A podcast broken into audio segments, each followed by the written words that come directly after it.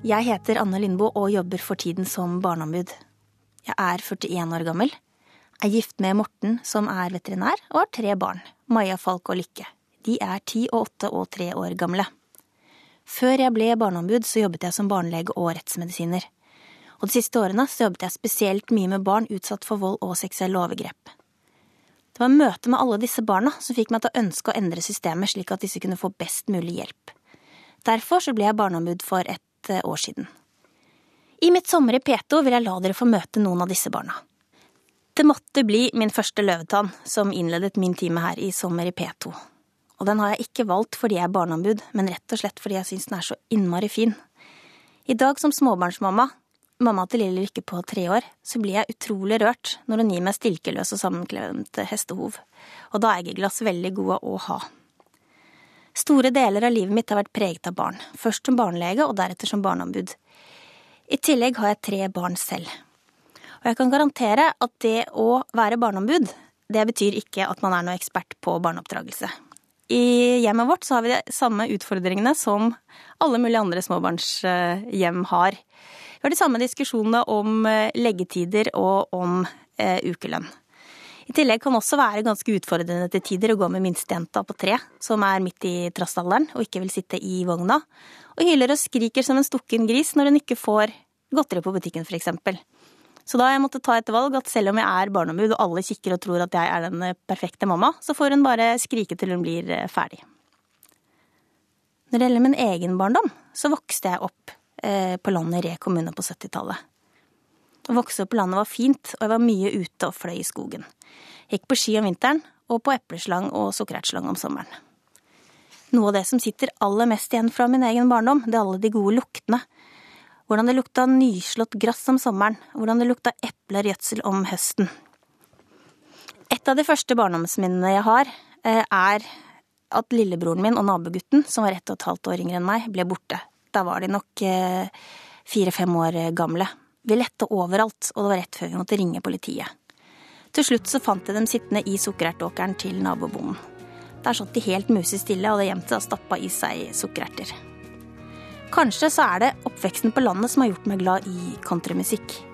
Den låta dere skal få høre nå, MLU av First Aid Kit, har både litt 70-tallet, litt av min barndom og litt dagen i dag i seg. Nå har jeg vært barneombud i litt over et år, det har vært hektisk og utrolig spennende. Hvorfor ble egentlig barn min yrkesvei? Det er vel litt tilfeldig, og egentlig så pleier jeg å si at barna valgte meg. Jeg forsto ganske tidlig i medisinerstudiet at barn likte meg, og jeg likte dem.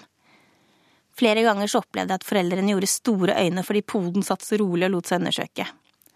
Jeg husker spesielt én liten gutt, Henrik på tolv måneder, som jeg skulle undersøke sammen med en erfaren, distingvert gammel barnelege. Han åpnet hele undersøkelsen med å spørre mor hva heter vedkommende, før han gikk rett bort til lille Henrik med stetoskopet.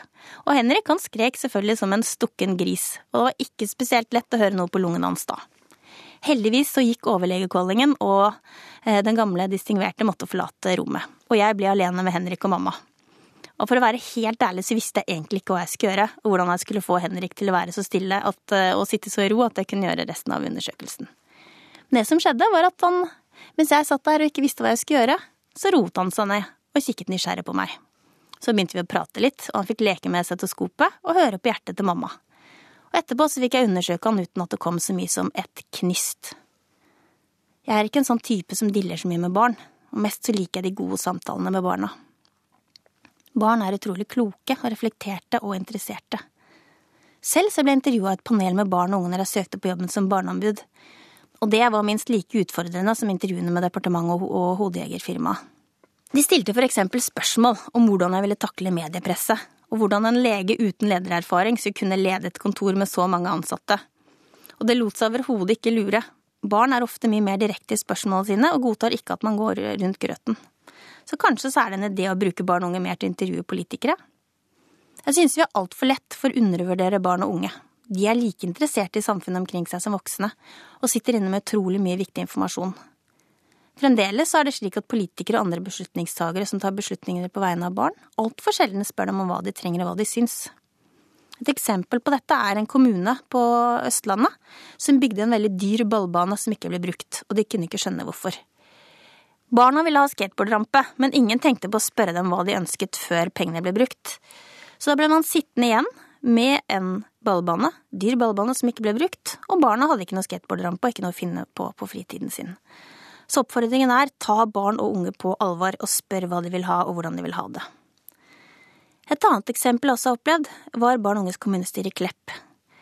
Eh, der var barna veldig opptatt av at de ville gjøre lekser i skoletiden, og de ville ha fri på ettermiddagen fordi de syntes det var slitsomt og stressende å hele tiden ha leksene hengende over seg, og syntes at de gjorde dårlig arbeid på kvelden. Kommunen var opptatt av å lage en så god skole som mulig, og ville ha innspill på hvordan dette skulle gjøres. I fullt alvor var det allikevel noen voksne som ønsket å ekskludere barnas forslag om leksehjelp og leksefri på kvelden, fordi de syntes det var noe tull, de syntes det var foreldrenes oppgave å gjøre lekser med barna på kvelden. Dette er et grelt eksempel på hvordan barn og unges meninger og synspunkter ofte ikke blir tatt på alvor. For å få en best mulig skole, så er det viktig å høre på innspill fra barn og unge, og de vet selv hvordan de lærer best. Ved ikke å høre på dem, som i eh, dette tilfellet her, så risikerer vi å få demotiverte elever som syns lekser er noe herk, og som presterer dårligere på skolen. Og med denne oppfordringen om å ta barn og unge på alvor, så vil jeg gjerne få introdusere neste låt, valgt av min egen datter Maja på ti år, Ready or Not med Bridget Mendler.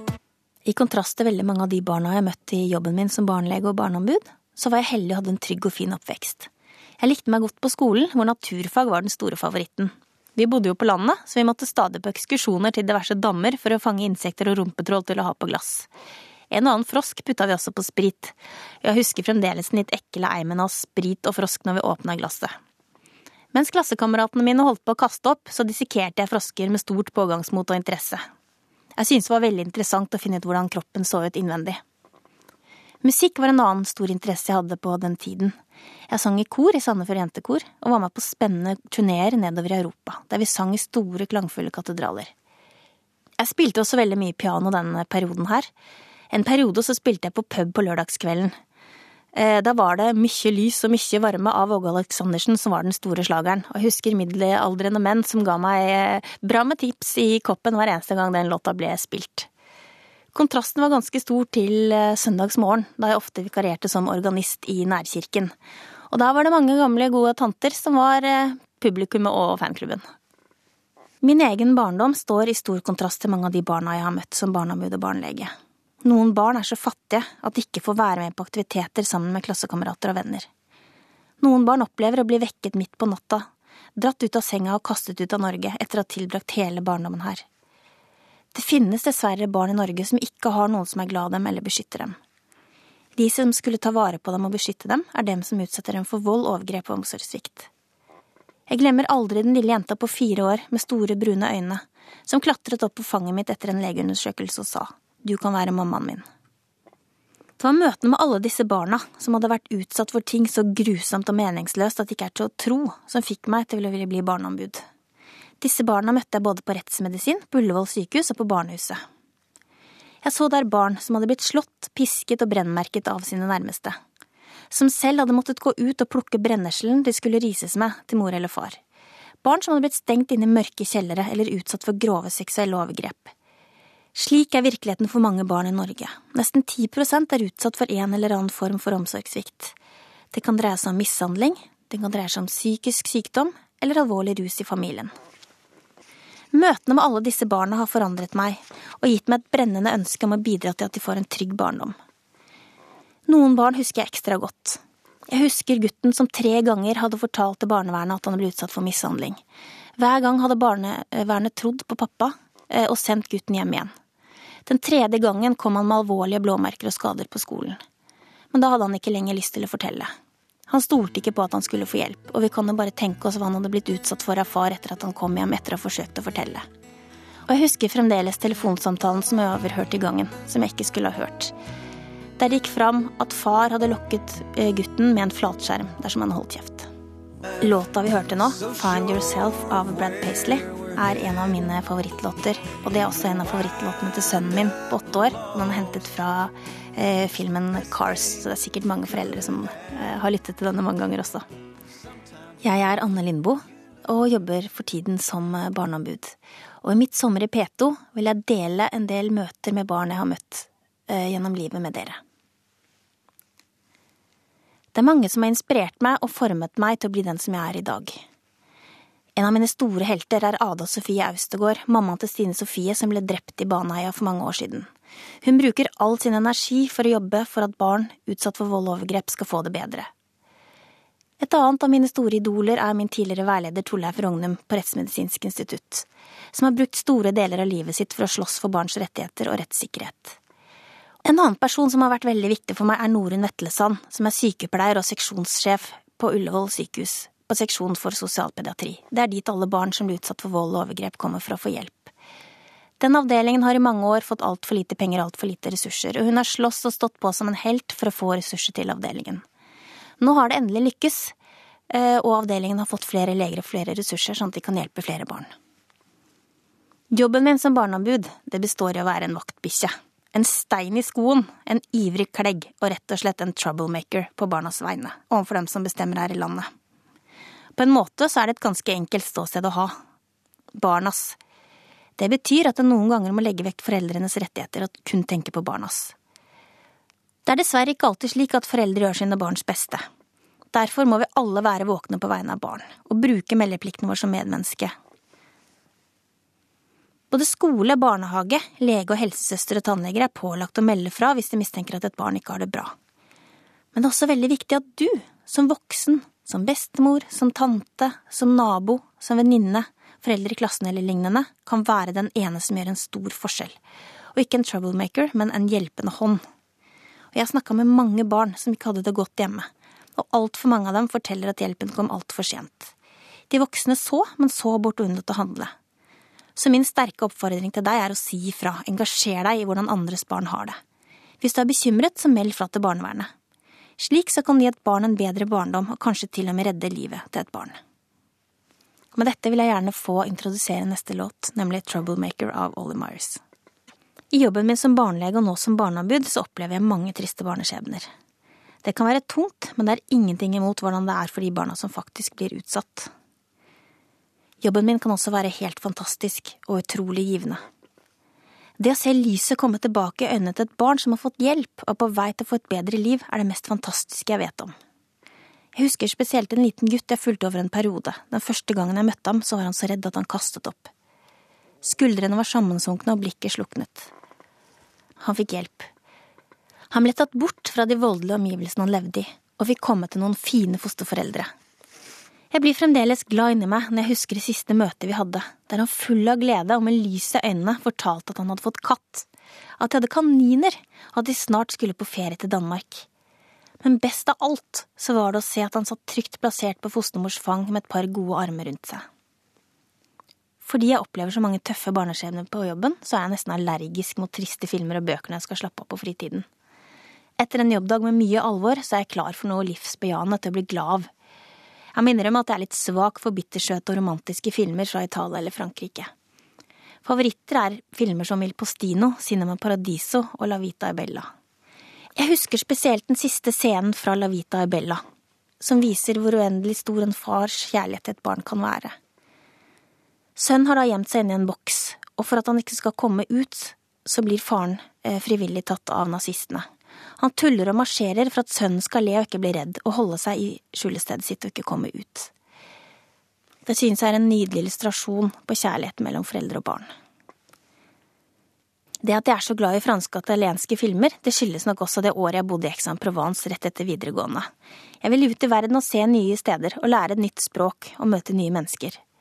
Ha et friår under en annen himmel før jeg begynte på legestudiet. Her ble jeg introdusert til en annen av mine favoritter, Jacques Brel, og vil gjerne få dele en av hans største svisker med dere, nemlig Nømme Kittepa.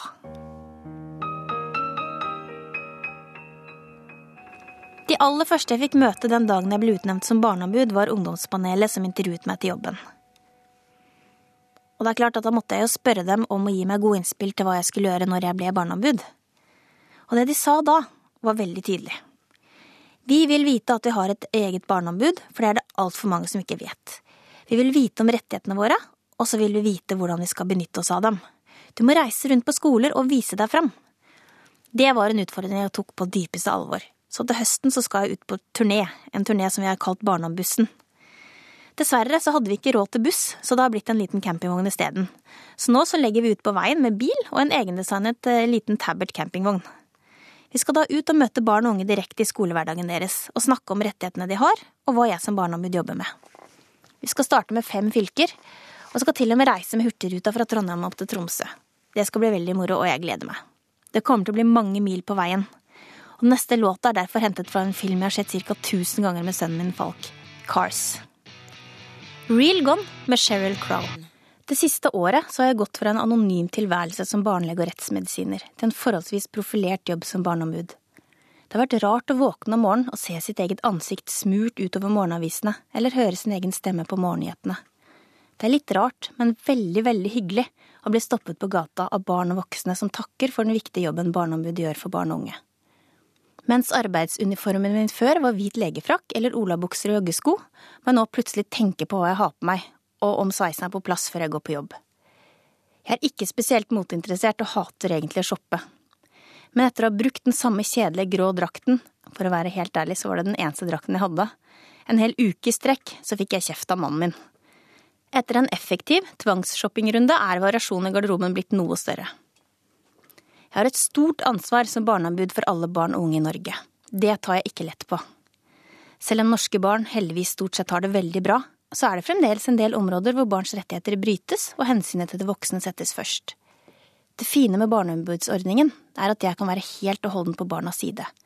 Jeg er utnevnt for seks år og kan verken sparkes eller gjenoppnevnes. Jeg trenger ikke å ta hensyn til hva verken politikere eller velgere syns om meg. Det gjør at jeg kan være tydelig og klar på barnas side i spørsmål der politikerne skygger banen fordi de er redde for å miste voksne velgere eller komme i konflikt med sine regjeringspartnere. Et eksempel på dette er rituell omskjæring av små gutter. Det kan være både smertefullt og risikabelt. Dette vet jeg, fordi som barnelege så har jeg sett flere små gutter som har kommet inn på sykehuset med store smerter og stygge infeksjoner etter omskjæring. Jeg var også med på å obdusere det lille guttebarnet som for et par år siden døde av komplikasjoner etter omskjæring. Et slikt dødsfall er helt uakseptabelt. Lovverket vårt beskytter jenter mot omskjæring, men gutter har ikke den samme beskyttelsen. Dette kan jeg ikke leve med, verken som barnelege eller barneombud, og kommer til å kjempe videre for gutters rett til ikke å bli utsatt for smertefulle, potensielt skadelige og unødvendige kirurgiske inngrep. Det finnes flere eksempler på at barns rettigheter blir sett på som mindre viktige enn voksnes rettigheter, eller den generelle samfunnsinteressen. Hvorfor har ikke asylsøkerbarn rett til barnehage, mange må klare seg med dårlig kvalitetssikrede barnebaser, selv om de er blant de mest sårbare barna vi har i Norge. Er vi redde for at de skal få for stor tilknytning til riket, og dermed må forbli? Det burde vi ikke være, for selv ti års opphold i Norge, nesten hele barndommen, er ikke til hinder for at barn kan rives ut av sengene midt på natten og kastes ut av landet. Som barneombud så er det min jobb å tale disse barnas sak. Nå skal vi høre litt musikk fra en av mine yndlingsfilmer, tittelmelodien fra Postmannen. Som barn så var jeg en liten slåsskjempe hver gang noen ble mobbet eller utsatt for urettferdig behandling. Jeg var liten og spinkel, hadde slengbukser med lapper på knærne og røde sløyfebånd i de lange, lyse flettene. Jeg så nok ikke særlig fryktinngytende ut, men bestemt, det var jeg, og ikke særlig hårsår, både i overført og bokstavelig betydning. En gang som jeg gikk i tredje klasse, så inngikk jeg et veddemål med et par gutter i femte, om at jeg ikke ville gi fra meg så mye som et knyst, selv om de løftet meg opp etter flettene. Til gjengjeld så skulle de slutte å erte venninna mi. De skred til verket med stor energi og heiste meg opp etter flettene. Det sved noe aldeles forferdelig i hodebunnen, men kom ikke et knyst fra meg. Dette overrasket dem i såpass stor grad at venninna mi faktisk fikk gå i fred siden. I dag så er flettene borte, men slåsskjempegenet er godt å ha med seg når jeg skal kjempe for barns rettigheter. Det er mange kamper å ta. I år så har vi et stort prosjekt på kontoret som heter Helse på barns premisser. Vi har reist land og strand rundt og besøkt barn på sykehus, skoler og asylmottak. Mange kommuner har en altfor dårlig skolehelsetjeneste. Barn møter ofte stengt dør når de trenger hjelp. De har blitt møtt med en lapp på døra som sier at helsesøster er til stede hver 14. dag, da kan du bestille time til veiing eller måling. er veldig alvorlig hvis du kommer for å fortelle om mobbing, rusproblemer, psykiske problemer eller vold. Disse barna trenger hjelp her og nå, og skolehelsetjenesten er ofte det eneste stedet de har å henvende seg. Jeg er veldig glad for at regjeringen har bevilget 180 millioner til skolehelsetjenesten. Men det er altfor lite til å dekke behovet, så det er viktig at dette følges opp av de som sitter ved makten i neste stortingsperiode. En annen ting jeg virkelig brenner for, det er at barn som er utsatt for vold og overgrep, skal få best mulig hjelp. Både fra barnevernet, helsetjenesten, politi og rettsvesen. Rettssikkerheten til disse barna er ikke god nok. De fleste venter i ukevis etter at anmeldelse er levert, før de blir avhørt av politiet. Hvilken voksen ville funnet seg det, etter å ha blitt voldtatt eller utsatt for en alvorlig voldsepisode? Når det tar så lang tid, kan barna manipuleres, de glemmer og de risikerer nye overgrep mens de venter på avhør. Bevisinnhenting blir nærmest umulig, og sakene henlegges. Hvis barn er heldige, blir det undersøkt av en lege som vet hva han eller hun driver på med, men de fleste får ikke legeundersøkelse i det hele tatt. Jeg er spent på hva som kommer fra de ulike partiene i valgkampen. Hvem vil ta et skikkelig barneperspektiv og sørge for en god skolehelsetjeneste, ta barns rettssikkerhet på alvor, sørge for at alle asylsøkerbarn får rett til barnehage, og at barn blir hørt hos familievernet og i domstolen i konfliktfylte samlivsbrudd.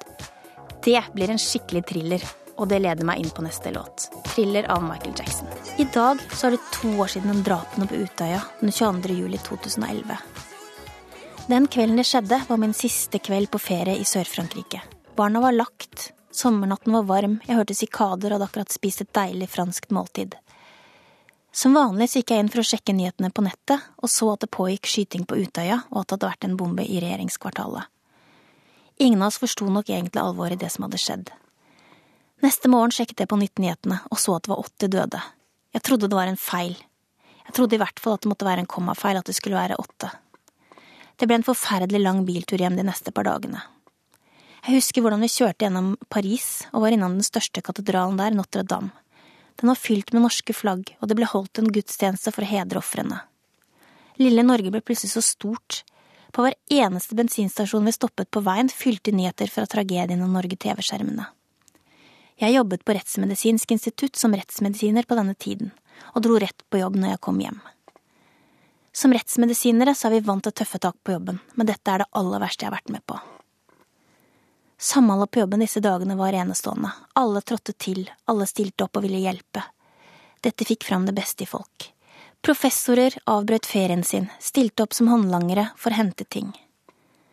Det som kanskje gjorde aller mest inntrykk på meg, var stillheten.